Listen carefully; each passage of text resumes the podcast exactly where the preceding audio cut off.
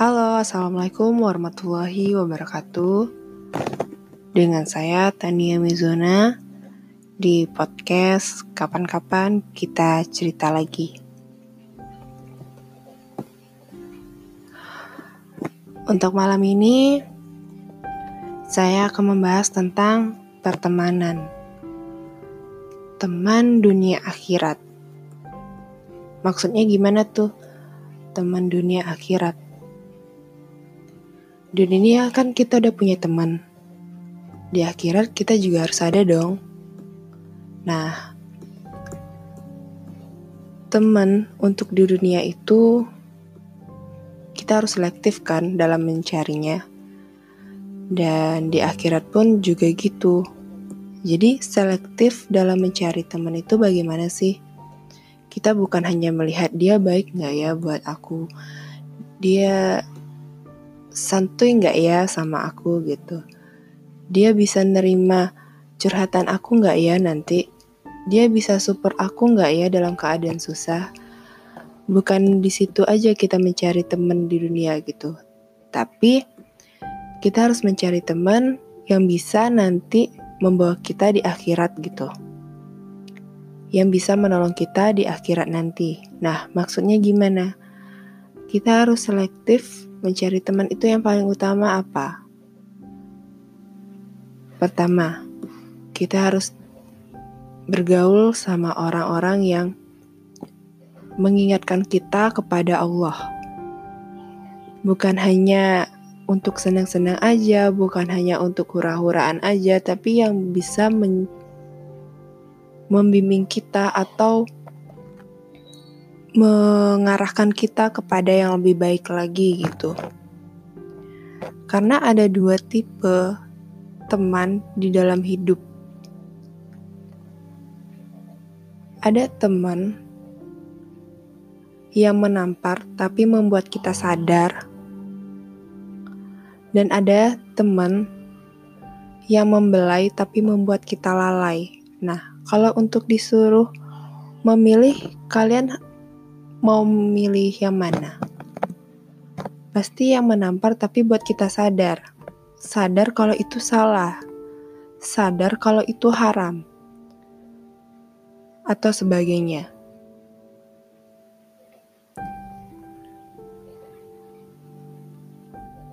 Teman yang selalu ngingetin kita kalau misalnya lagi nongkrong, lagi main, terus tiba-tiba azan nih kalau nongkrong biasanya kapan tuh malam ya? Kalau malam azan isya deh. Masih ada nggak teman yang ngajakin kita, ayo kita sholat dulu gitu. Nanti kita nongkrong lagi. Masih ada nggak? Kalau saya lihat untuk sejauh ini udah nipis ya, udah kurang stok teman yang seperti itu gitu.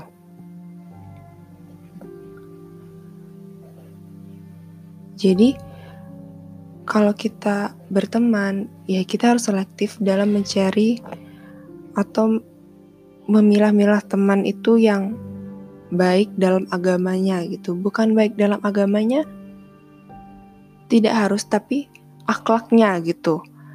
Dia bisa nggak mengingatkan kita kepada Allah? Bisa nggak dia mendekatkan kita kepada Allah? Kalau yang menjauhkan kita dari Tuhan kita, dari Allah kita, mending kita tinggalkan. Dan kalau kita dapat teman yang bisa mengingatkan kita kepada Allah, jangan dilepas. Karena kita nggak bakal lagi, nggak bakal sempat atau nggak bisa nantinya dapat pengganti yang sama. Itu pun belum tentu nantinya kita dapat pengganti yang teman seperti dia dengan cepat gitu. Karena kalau kalian sadari ini semua, teman-teman yang seperti ini itu atau orang-orang yang seperti ini itu langka. Contohnya, saya punya teman dua orang. Yang satunya ini kontan, yang satunya lagi bijak. Kontan dalam hal apa? Kontan dalam menyampaikan sesuatu ketika dia berbicara, dia langsung ke poinnya dan yang sedangkan satu lagi itu bijak. dia memberikan saran terlebih dahulu terlebih dahulu. Kemudian baru membicarakan poinnya. Dan itu hampir setiap hari kami bertemu. Ketika bersama mereka, saya selalu uh, kena tampar gitu. Maksudnya kena tampar gimana? Dengan bergaul dengan mereka gitu. Mereka termasuk orang-orang yang mengingatkan saya sama Allah gitu kan. Dan alhamdulillahnya saya punya teman seperti mereka yang setiap hari buat saya tertampar, tertampar tapi buat saya sadar gitu. Oh, jadi gini, oh jadi gitu. Kalau mereka kalau misalnya saya salah gitu, saya ada yang salah, mereka langsung bilang, "Oh, Tan, kamu ini salah." Kamu harusnya seperti ini, bukan seperti itu gitu. Hampir setiap hari saya bertemu dengan mereka dan itu memang dari awal kuliah sampai sekarang saya tidak tidak gonta-ganti. Tidak gonta-ganti maksudnya tidak gonta-ganti teman gitu. Bukannya saya monoton, bukan sayanya kudet, bukan sayanya Cooper. Tapi itu tadi setelah saya dengar kajian-kajian dari ustadz kayak gitu. Kita bukan punya teman di dunia aja, tapi yang bisa membawa kita ke akhirat gitu. Jadi, oh gini, oh jadi selama ini saya udah ngikutin jalan yang benar gitu. Saya nggak gonta-ganti teman, saya nggak uh, meninggalkan teman yang lama atau mencari teman yang baru enggak tapi saya tetap bergaul dengan teman-teman yang lain tapi untuk teman yang memang teman mengingatkan saya kepada Allah itu cuman mereka gitu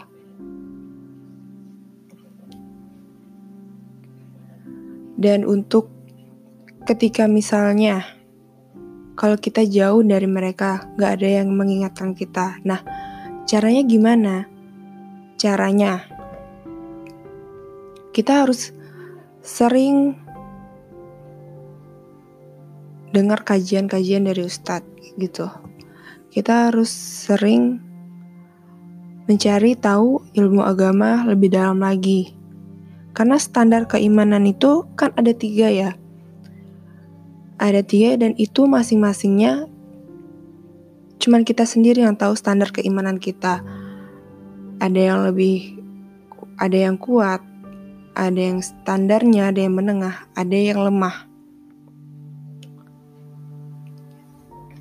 Dan di situ kita bisa mengukur uh, keimanan kita dari mana. Contohnya, kita pegang janji Allah. Janji Allah itu apa? Sholat subuh berjamaah. Kalau untuk yang tidak bisa sholat subuh berjamaah misalnya, ya udah kita sholat subuh di rumah aja tapi tepat waktu. Oke. Contohnya mengukur keimanan itu seperti apa? Kalau untuk imannya lemah sekarang subuh di kota Padang itu jam 5 lewat 11 jam 5 lewat 11 untuk standar keimanan yang lemah itu kalau azan jam 5 lewat 11 dia bak dia baru bangun jam 5 20 misalnya. Nah, itu iman yang lemah, ya masih lemah. Untuk standar keimanan yang menengah, ketika orang azan jam 5 lewat 11 menit, dan itu dia juga baru wudhu, baru melaksanakan sholat. Nah, itu yang standar. Tapi untuk yang lebih kuatnya, iman yang kuat, yang dekat dengan Allah, itu dia bangun sebelum sholat subuh. Kenapa saya bisa berbicara seperti ini? Karena sebelumnya saya juga mendengar kajian-kajian dari ustadz yang lebih banyak ilmunya daripada saya, yang lebih tinggi ilmunya daripada saya. Jadi di situ kita bisa mengukur tingkat keimanan kita. Kita iman kita itu lemah, menengah atau kuat. Nah, kembali lagi ke topiknya teman dunia akhirat. Untuk teman dunia akhirat, teman di dunia. Kalau kita sering pergi sama dia, kita sering nonton, kita sering makan, kita sering bertukar hadiah, itu kan pasti diinget tuh. Kalau misalnya sehari aja kita nggak gabung sama mereka, kita nggak ketemu sama dia, pasti dia nanyain kan, eh kamu ke mana gitu, kok nggak ada kelihatan. Gitu juga nantinya di akhirat kalau dia nggak ketemu sama kita, dia bakal nyari kita, dia bakal mention ke Allah gitu. Ya Allah kok teman saya yang di, yang di dunia yang sama-sama sholat sama saya, yang sama-sama ke taklim sama saya, yang sama-sama ngaji bareng saya gitu. Yang melakukan kebaikan sama saya kok nggak nampak ya kayak gitu, kok nggak kelihatan ya. Ke mana ya dia ya Allah? Itu langsung di-mention, langsung dicari sama Allah, langsung di-share. Gitu. Langsung ketemu deh Nah, sama-sama kita ke surga. Jadi, kalau kita di dunia sama-sama sekantor, sama-sama sekampus, sama-sama sekelas gitu. Insya Allah kalau misalnya kita uh, mengajak teman kita dalam kebaikan, kita sama-sama juga di surga nantinya. Amin, amin, Allahumma amin. Dan itu pembahasan malam ini. Jadi saya sarankan untuk kalian mencari teman itu bukan di dunia tapi juga di akhirat. Jadi minta sama dia, tolong uh, kalau aku nggak kelihatan besok di pada masyar, tolong cari aku ya kayak gitu. Minta sama dia. Kalau kita minta kayak gitu di dunia, pasti dia bakal di ingat di akhiratnya gitu. Dan satu lagi pesan, cara bergaul dengan teman itu seperti apa bagusnya. Ini cara bergaul Nabi ini.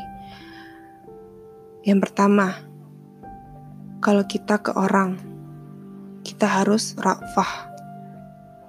Apa arti rafah? Rafah itu pengertian, penuh maaf. Dia menerima apa yang kurang dari kita, menerima apa yang kita ceritakan kepada dia itu rafah, dia pengertian sama kita.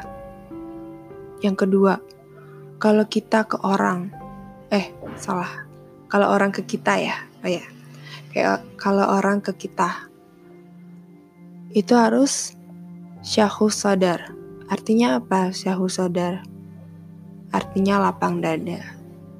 Kalau dia salah, misalnya kita yang benar, dia yang salah, kita harus lapang dada gitu. Kita harus menerima, oh ya mungkin dia salah, kita harus memaklumi gitu.